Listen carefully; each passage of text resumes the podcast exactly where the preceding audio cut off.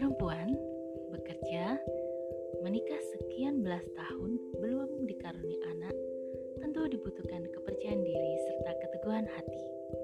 Tatkala bertemu dengan banyak pertanyaan dan arahan serta tatapan belas kasihan yang membuat diri dinilai sebagai perempuan yang belum sempurna. Dengan ketidaksempurnaan ini, lantaskah saya menyerah, menutup diri? Tentu tidak. Ini adalah kekuatan saya Berada di titik saat ini bukanlah puncak kepuasan hidup, namun ini menjadi titik saya untuk mulai membagi cerita Lisa di dunia perempuan yang terkadang dia harus terasing dengan tubuhnya sendiri.